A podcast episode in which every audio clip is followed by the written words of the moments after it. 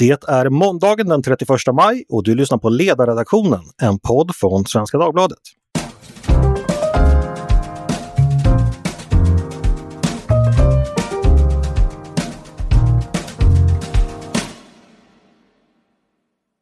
Hur har massmedierna lyckats rapportera om covid-pandemin? Har man kunnat förhålla sig sakligt och kritiskt granskande gentemot myndigheternas agerande och politikernas beslut? Kort sagt, klarade medierna av sitt uppdrag när Sverige och världen drabbades av den stora coronapandemin våren 2020? Det ska vi diskutera idag. Eh, mitt namn är Andreas Eriksson och med mig för att göra det har jag Lisa Bjurvald, journalist som har skrivit en rapport för Näringslivets medieinstitut som heter Maktens granskare eller maktens megafoner. Svensk journalistik under coronapandemin. Välkommen hit Lisa! Tack så mycket! Med oss har vi också Martin Schori, nyhetschef och ställföreträdande ansvarig utgivare på Aftonbladet. Eh, du är också intervjuad i rapporten ska sägas. Välkommen Martin! Tack!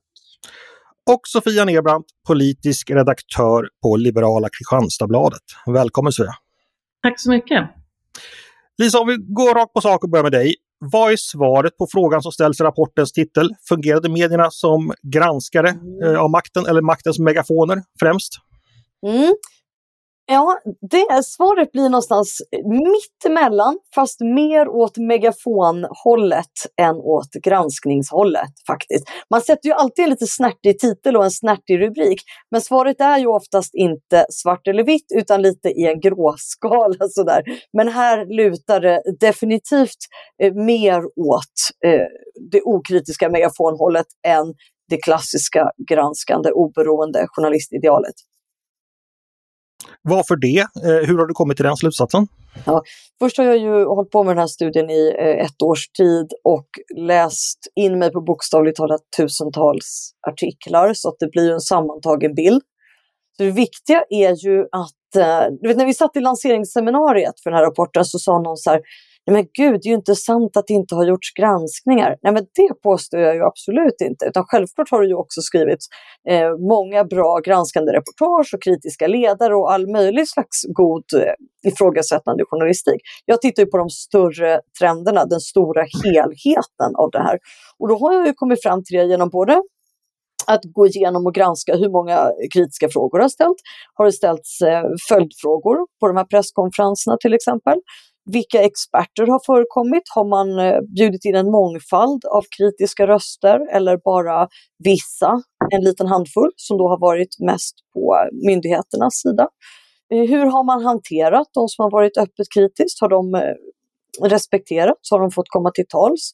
Så jag har använt en uppsjö av olika verktyg för att titta på om man har klarat av det här med att förhålla sig oberoende och kritisk. Och det sammanfattande betyget, kan man säga det att inte fullt godkänt alltså? Kan, Nej. Nej, men vet, jag, fick också det, jag har fått den frågan också tidigare jag tycker det är jättesvårt att sätta eh, något slags betyg. Men, men om man ska säga att 10 är full pott och 1 är fullkomligt underkänt då, så, ge, så blir det ju liksom någonstans mellan 5 och 6. Och det är ju absolut inte tillräckligt bra för medierna i ett land som Sverige. Därför att vi, och det tar jag också upp i rapporten, vi har ju all möjlighet att kritiskt granska. Vi har inte som vi har sett nu eh, vad som händer i Belarus Belarus eller i Mexiko eller i, i många andra förtryckande länder. Eh, vi behöver inte känna den rädslan för repressalier. Vi har möjlighet att eh, fullkomligt orädda eh, stå upp emot makten och ifrågasätta. Men en viktig sak vi bara lägga in så här i början av samtalet är ju att det här rapporten handlar ju enbart alltså om medier och journalistik. Det handlar inte om strategin i sig. Så oavsett nu om vi hade den här världsunika strategin Eh, eller om vi hade haft en, en jättehård approach till pandemin med eh, totala lockdowns, stängning av alla skolor och så vidare, så hade utgångspunkten i min studie varit densamma. Att medier och journalister ska granska kritiskt oberoende. Så det är liksom oberoende av eh, av vad jag tycker om strategin eller vad någon annan tycker om strategin. Eh, det är liksom eh, det är helt frånkopplat. Sen kan man ju också lägga till att just när vi har haft en så världsunik linje och vi har blivit omskrivna i internationell press så understryker det naturligtvis att det är ännu viktigare att våga ställa de här frågorna som vad vet Sverige som inte resten av världen vet? Varför eh, tar vi den här approachen när länder med erfarenhet av pandemier gör si och så? Men det, men det förändrar liksom inte grejen i sak. Så det är ganska viktigt tycker jag. Vi ska återkomma till, till omvärlden tänkte jag. Eh, jag vänder mig till dig istället Martin. Eh, Lisa hittar ju ganska många skäl till att vara kritisk. Hon nämner exempelvis att man har varit okritisk till myndigheter, inte utkrävt ansvar tillräckligt. Det har funnits eh, tendenser till grupptänkande, för dålig mångfald och nu får ni i medierna ett sammanfattande betyg på ungefär en femma på en 10-gradig skala. Håller du med om eh, det omdömet Martin? Ja, men som jag eh, säger i den här rapporten också så finns det mm, poänger som eh, hon gör som jag känner igen. Och till exempel att det blir ofta liksom en liten grupp medievana experter till exempel som får uttala sig. Um, sen tror jag också att vissa av de här, i början av pandemin så eh, har Lisa nog rätt av olika anledningar att, att um, den granskande journalistiken inte var det som eh, man satsade mest på. Men ska man liksom se till under pandemin som en helhet nu, då, då håller jag inte med om, en, om den slutsatsen. Så jag tycker att vi har absolut granskat. Det finns väl inte ett enda mejl kan jag tänka mig eh, som liksom inte har begärts ut och granskats eh, mellan de här olika nyckelpersonerna och liksom när strategin eh, målades upp. Så okay. att, Ja. Sofia, känner du igen det som omtalas i rapporten och hur lyder ditt omdöme om hur man har skött bevakningen av pandemin? Absolut, alltså i synnerhet under förra våren. Eh, då jag började skriva om det här 27 januari, min första artikel, då var jag på Sydsvenskans ledarredaktion. Ehm, liksom, jag vill inte förslå mig själv på bröstet, men jag har pluggat preklin på läkarlinjen och hade förmånen att kunna liksom, sätta mig in i liksom, ändå lite vetenskapliga artiklar och börja liksom, söka internationellt. Och jag tyckte det var helt uppenbart att det här skulle bli en pandemi. Um, och sen så började jag titta på de här presskonferenserna när myndigheterna kom igång någon gång kanske februari-mars. Uh, ehm, och de sa en massa saker som inte alls stämde överens med det som sades internationellt. Uh, jag tittade på vetenskapsmän i Asien som har hanterat likartade virus. Tittade på matematiker som räknade så att säga på den datan vi fick från Kina och så vidare. Och så vidare. Jag var helt tagen av att de här, den här eh, ja, myndigheternas presskonferens, det blev nästan som ja, eh, en lägereld liksom för hela nationen. Så här, när klockan slog två så lystrade alla. Jag håller med Lisa när hon skriver i rapporten att det blev nästan pressmeddelande journalistik, att det där kablades ut. Eh, för det fanns också en stämning ja, på redaktionen på Sydsvenskan också, att man inte fick vara för alarmistisk och man skulle inte skrämma upp människor och sådär. Medan jag var mer av uppfattningen att vi måste skriva om det vi vet och blir det en pandemi så måste vi förbereda oss både praktiskt och mentalt. Mm. Jag tänker just eh, om man går till dig Lisa, eh, du har ju delat upp pandemin i lite olika eh, perioder. Just den mm. första våren och den första vågen, den var väl eh, lite speciell och det håller ju även Martin med om att där brast det. Blev det bättre sen? Ändrades det sen under hösten eller sommaren och hösten och när vi kom in på 2021 eller har det fortsatt så här? Vad, vad ser du för mm. utvecklingslinjer i materialet? Så att säga? Ja, nej men två saker som är jätteviktiga. Och det första är ju att det behöver inte alls vara så. Det är ingen naturlag att man ska bli tagen på sängen och eh, bli så chockad att man nästan blir paralyserad och börjar skriva om att eh, Anders Tegnell är en actionhjälte i tidningar över hela landet. Utan tittar man som jag har inkluderat både ett kapitel som, som eh, er Svenska Dagbladets mediekritiker Axel Andén har skrivit om Finland, så säger ju också publicister där att eh, journalister borde stått redo att granska från dag ett. Alltså det är inget som säger att man inte ska kunna göra sitt jobb under dag ett. Vi granskar trots allt liksom krig, konflikter, väpnade konflikter och så vidare. Eh, så det finns liksom ingen anledning att på något sätt se mellan fingrarna på våren. Det tycker jag är jätteviktigt. Jag har också med citat från brittiska mediekritiker som suckar över att det tog en hel vecka för journalisterna att komma igång. Där hade man sånt här snack som vi har nu, var jag inbjuden till i juni 2020. Det är alltså nästan exakt ett år sedan på bland annat eh, Reuters Institute eh, for the Study of Journalism vid Oxford-universitetet. Så vi ligger liksom väldigt efter. Så det är det första jag verkligen vill säga, att eh, det finns ingen anledning att liksom säga att ah, men okej, så var det i början. Det andra är att det faktiskt höll i sig väldigt länge det tog lång tid och man ser en vattendelare här när Coronakommissionens delbetänkande kom, jag tror det var den 15 eh, december 2020, alltså i mitten av december. Så det var precis i slutet av det här pandemiåret.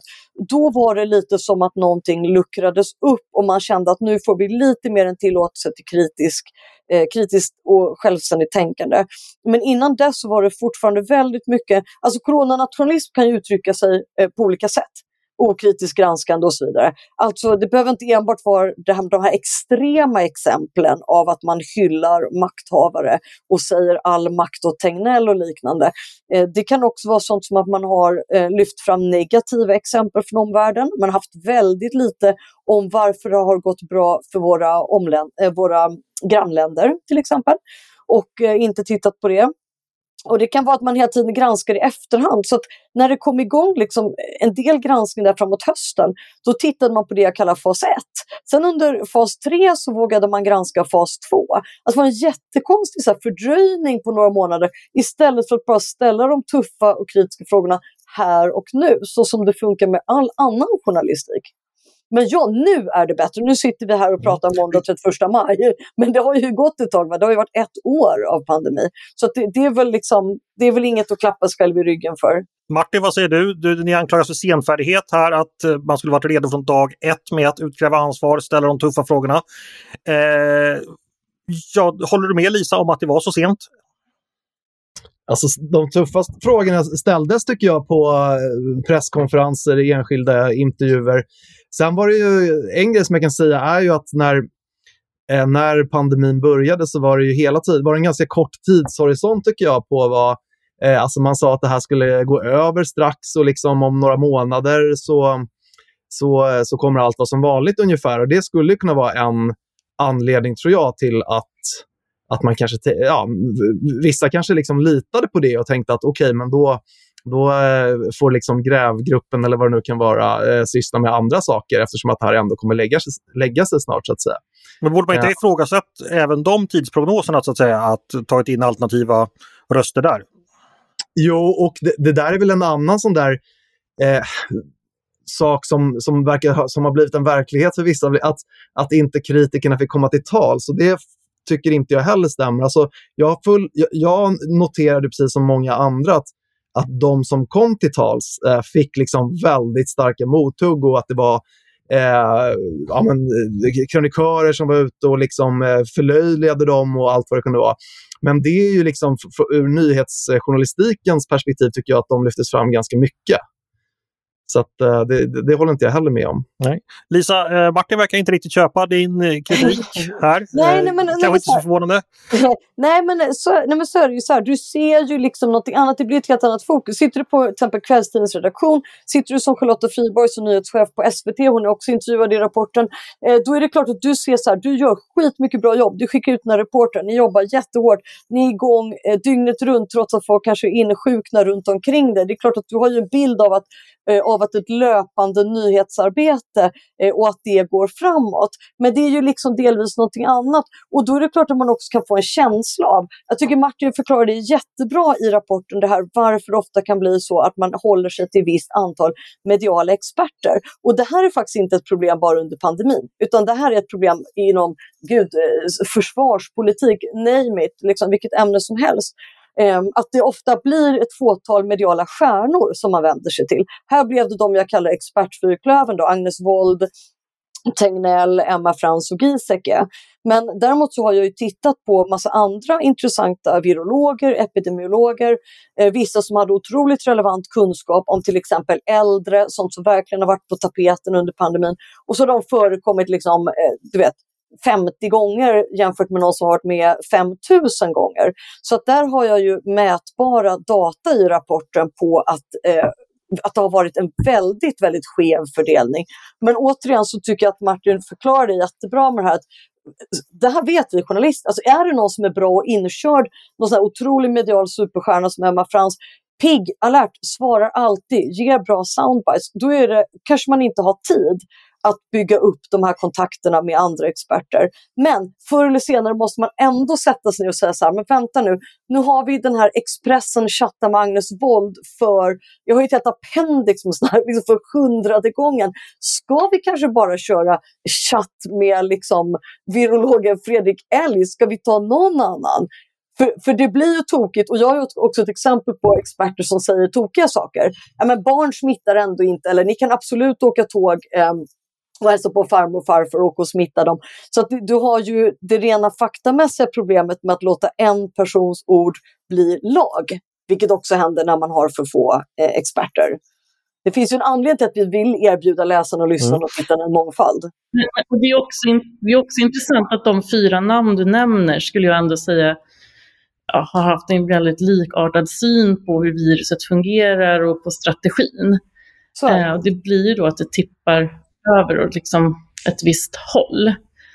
Um, så. Mm. Jag tänkte en sak Lisa, kan man eh, förstå din kritik så att, att medierna har utifrån sin situation och sin logik så att säga, ofta gjort väldigt rätt. Men vad du pekar på det är snarast form av strukturella problem som uppkommer eh, eh, trots allt för att liksom, medierna befinner sig i den logik och det på den marknad och med de resurser de har. Är det ett sätt att förstå hur, hur jo, men du analyserar lite så. Lite så. Det tycker jag är en bra sammanfattning för att det stämmer också på ett annat problem vilket är det här med presskonferenser och att man skickar väldigt unga personer, de är snabba, de kan allting, de kan sociala medier, de kan video eh, och så vidare. Men de har kanske inte eh, många års erfarenhet. Det är inte samma sak som att skicka en tung politisk kommentator. Tittar man, jag har tittat jättemycket på Storbritannien, USA, Tyskland, Frankrike och Italien. Och där ser att du har medelålders män och kvinnor i 50-årsåldern har bevakat politik och samhälle Eh, också under tuffa samhällskriser i liksom 25-30 år. Den typen av kritiska frågor och följdfrågor och den, den säkerhet de har går ju inte att jämföras med eh, med många av de här unga nya nyhetsreporterna som också saknar specialisering. Så det tyckte jag var skitintressant som Martin eh, beskriver här i intervjun i rapporten. Att man ka kanske faktiskt får titta på, eh, ska man rekrytera fler specialreportrar? Eh, är, är det möjligtvis så? Och jag tror ju stenhårt på att det är någonting man ska erbjuda läsarna, särskilt om man vill eh, kunna ta betalt för det. Eh, och då får man också i just sådana här eh, tillfällen en, mer, eh, en starkare utfrågning och ansvarsutkrävande tror jag redan från start. Mm, Sofia? Det finns ju en rad olika saker som bidrar till det här.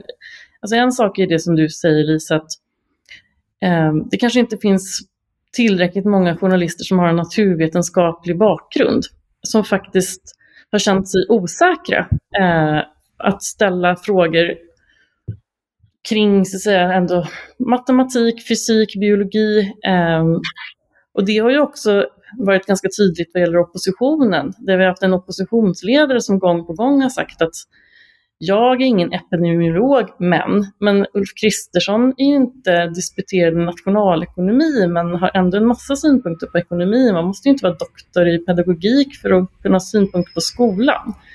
Det är en bit. Och den andra saken tror jag handlar väldigt mycket om att, att i den här krisen i Sverige så gjorde man det till en, en vetenskaplig en expertgrej. Och det blir väldigt märkligt för Folkhälsomyndigheten har ju fått en väldigt politisk roll. För till syvende och sist skulle jag vilja hävda att pandemihanteringen är ytterst en politisk fråga. Det handlar om etik, det handlar om allt ifrån hur man ser på människors liksom, värde och hur långt man är beredd att gå för att rädda liv och hälsa.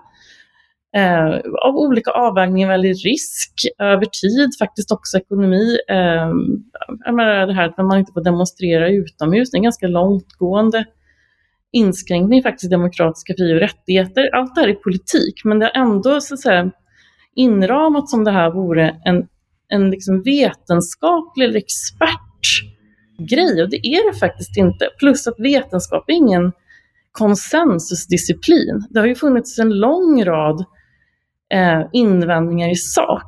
Och jag måste säga, även om jag är ledarskribent, och då brukar man ha, prata om liksom, hur, det, hur man borde göra framöver, alltså framåtsyftande och ganska normativt. Men väldigt mycket av det här kommit att handla om hur fungerar det här viruset? Alltså när de här 22 forskarna då påpekade att ja, det är liksom en asymptomatisk, alltså man smittar innan man får symptom och det är en aerosolsmitta.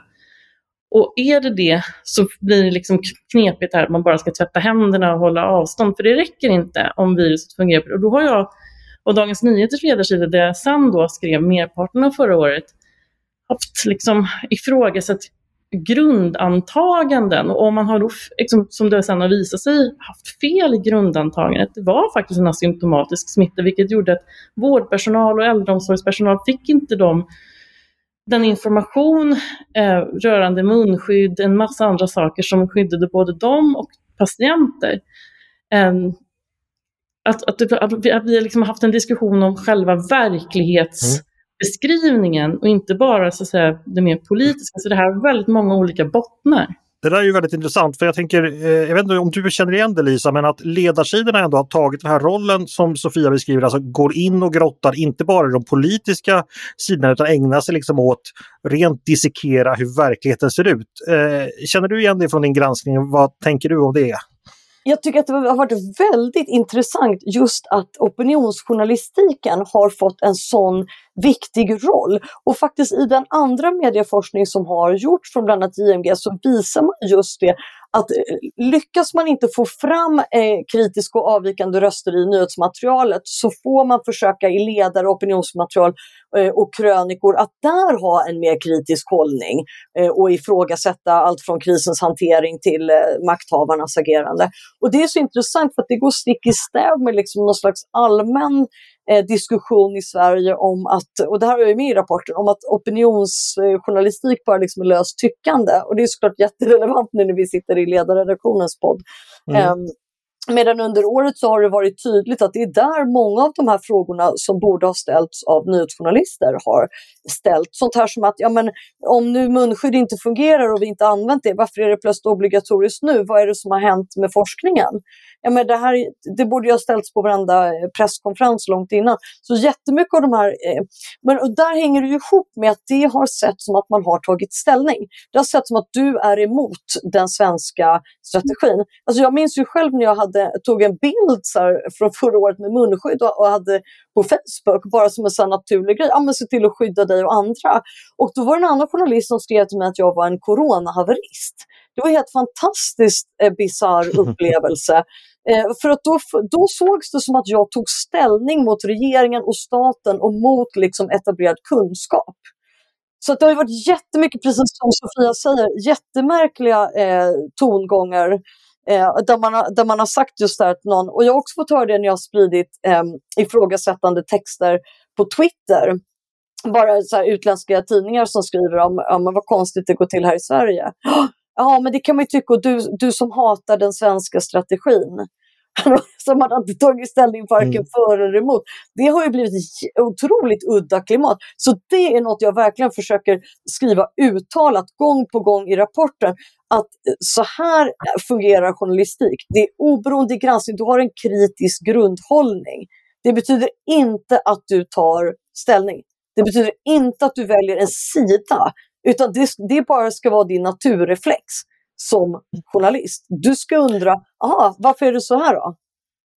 Martin, du hade ett eh, inspel där. Ja, nej, men, och det här tycker jag det här blir lite symptomatiskt det du säger nu för liksom hela den här diskussionen. Det är så här, man, säger, man klumpar ihop massa olika saker. Man får inte och de här... Eh, man, alltså, om man tänker nyhetsjournalister eh, som jag jobbar med. Jag har aldrig hört någon säga inne på redaktionen eller någon annanstans. Eh, Jaha, är du emot den svenska strategin eh, bara för att någon ställer en fråga? Däremot kan jag tänka mig att det kanske folk gör på sociala medier eller liksom eh, vid middagsbordet eller vad vet jag. Och samma sak med, med, med, kanske lite som det var med de här eh, 22 eller vad nu antalet var, att, att de sa att vi blev massakrerade av media. Men vad menar man? Menar man liksom av Aftonbladet ledare? Eller, alltså, det, och, och, för man klumpar hela tiden ihop nyhetsjournalister med det här. Och, och jag, det är därför som jag tycker att ofta när jag hör den här debatten så blir det liksom helt... Så, så jag känner inte igen mig alls. Det är så, det är så här, debatter som jag aldrig någonsin har hört på redaktionen. Liksom. Det, och att, man skulle, att andra nyhetsjournalister skulle säga till någon som ställer en kritisk fråga, vad då är du emot staten? Det känns liksom helt bisarrt. jag märkte faktiskt av det förra våren, att eftersom jag då det var inte, för, för mig handlar egentligen inte det här om höger, vänster eller politik och framförallt inte partipolitik. Det handlar ju om att ta reda på hur fungerar just den här farsoten? Hur ska man skydda sig mot det? Sen liksom kan man komma in och diskutera på vilket sätt som är lämpligt och sådär. Men, men givet det jag läste väldigt tidigt, för jag har också funderat ibland på hur mycket internationell utblick det har funnits på redaktioner, för det har funnits enormt mycket material utomlands som liksom har nått svenska spalter och etermedia veckor, ibland månader senare av det som jag har läst utomlands.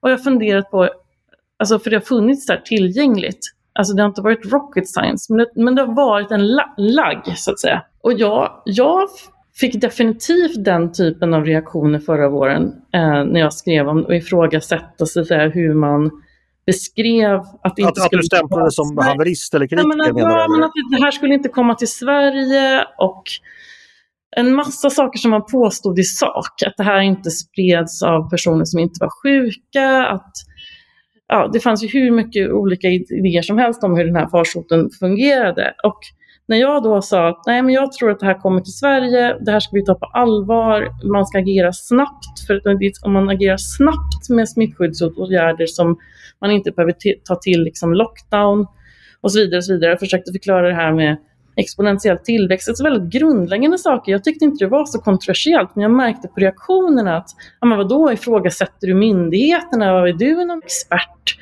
Mm. Um, alltså, och att, och att det då ytterst skulle gynna Sverigedemokraterna eftersom det är ett missnöjesparti som är emot så att säga, etablissemanget och staten och myndigheter. Att det fanns faktiskt den stämningen. Men uppenbarligen är det väl så att det här blev ganska snabbt ganska infekterat kan man väl mm. säga. Eh, och att det har funnits massa människor som har upplevt att de har blivit trampade på eller att de har blivit utsatta för saker. Vad tänker du Lisa som har granskat? Hur mycket har så att säga, den infekterade politiska stämningen påverkat vad som sedan sker och vad som kanske också hur vi tolkar medierna? Finns det någonting där du har hittat eller funderat på? Alltså där, alltså det är väl mer intressant att den mediala borgfreden hängde ihop med den politiska. Att det var, tog oerhört lång tid även innan oppositionen eh, uttalade sig. Och det är, det är mycket märkligt för det saknades ju liksom inte stoff att kritisera. Eh, man skulle bara kunna lyfta sånt som höga dödstal, högre än grannländer, eh, misslyckandet med ålderdomshemmen. Men det tog väldigt lång tid och jag tror att det hängde ihop med den här känslan av att man ville inte på något sätt eh, bidra till att störa konsensus. Man ville inte eh, störa myndigheterna på något sätt i deras arbete. Så det blir liksom både, det är klart att det samverkar en politisk och en medial underdånighet. Jag vill bara kort plocka upp det Sofia säger som är mycket intressant, som jag inte har något bra svar på. Förutom en ny undersökning som visar att väldigt få konsumerar eh, internationella nyheter dagligen, som skulle kunna vara liksom en av delförklaringarna. Och det är ju alla de här uteblivna vinklarna och ämnena. Eh, långtidscovid, eh, insjukna barn, långtidscovid hos barn, eh, situationen för personer med funktionsnedsättning under covid. Eh, hur många missade, alltså länge, länge missade och slash eller underbevakade ämnen eh, som man liksom, om man, om man följer efter internationell media, eh, gjordes precis som Sofia säger, veckor eller månader innan. Och det är också jättemärkligt att, att man liksom verkar ha bara valt bort eller ignorerat eller missat så många då, och då pratar vi om negativa och kritiska vinklar. Det är ju aldrig positivt att någon lider eller att eh, någonting går sämre än vad man tror. Eh, så det, det är möjligt att det också hänger ihop nationalismen. Nej, men det som Sofia säger var ju återigen det jag menar att jag är helt övertygad om att man, och speciellt som opinionsskribent, att man får liksom eh, reaktioner. Men vi, nu pratar vi väl om liksom medies eh, roll och, och Lisa har ju, och, har ju också skrivit bort om liksom nyhetsjournalistiken. jag så himla, det kanske var så för dig, det vet inte jag, men eh, jag har aldrig hört att någon har sagt att eh, Eh, ja, men så här, det kan gynna SD. Den frasen som jag, man ju ofta ser att folk tror att det är det enda vi pratar om, den har jag liksom aldrig hört på Aftonbladet. Vi är på nyhetsdelen, vi är 250 journalister. Jag har aldrig hört någon säga så här, men herregud, det här kan gynna SD. Eh, och jag tycker återigen, om vi pratar liksom eh, jag är övertygad om att, att ni och andra som har varit då, eh, haft en annan linje än, än myndigheterna har fått liksom reaktioner. Men är det liksom nyhetsjournalister som, som säger det här? Eller liksom, Nej, men jag får väl erkänna att jag tycker att opinionsjournalistik är en del av journalistiken. Alltså, så Svenska Dagbladets äh, Linda, äh, så här, eh, alltså Wåhlsten och sen Olle Ehrencrona och andra ägnar ju också väldigt mycket spaltutrymme och podden här under förra våren när man tittade på men hur, hur ser den här pandemin ut, alltså tittade på är. För det är också så här, faktiskt tycker jag lite intressant jämfört med migrationsfrågan. Att, och på politik kanske generellt, att det handlar mer om någon slags slag om verklighetsbilden än policyförslag numera. Mm. Uh, och det är det jag menar att um, Ja, och plus då att i många medier att news och views blandas ihop. Typ. I synnerhet på nätet. Det är inte alltid uppenbart för en vanlig läsare när man läser en kommentar, analys, om det är från ledarsidan, kultursidan eller en nyhetsjournalist som kommer med, med sin analys. Plus en sak till som är viktigt att lägga till. Det faktum att vi har suttit framför skärmen. Eh, jag, har inte varit, jag har varit på redaktionen två gånger på 15 månader. Eh, det gör ju, alltså när man följer så mycket liksom rapportering men också diskussion, att allting sker på en skärm och man inte har de här naturliga samtalen på en redaktion. Eh, och, och, tonen är liksom annorlunda för oss alla. Eh, att det kan också ha påverkat hur man har upplevt verkligheten, för alla har ju suttit framför sin skärm.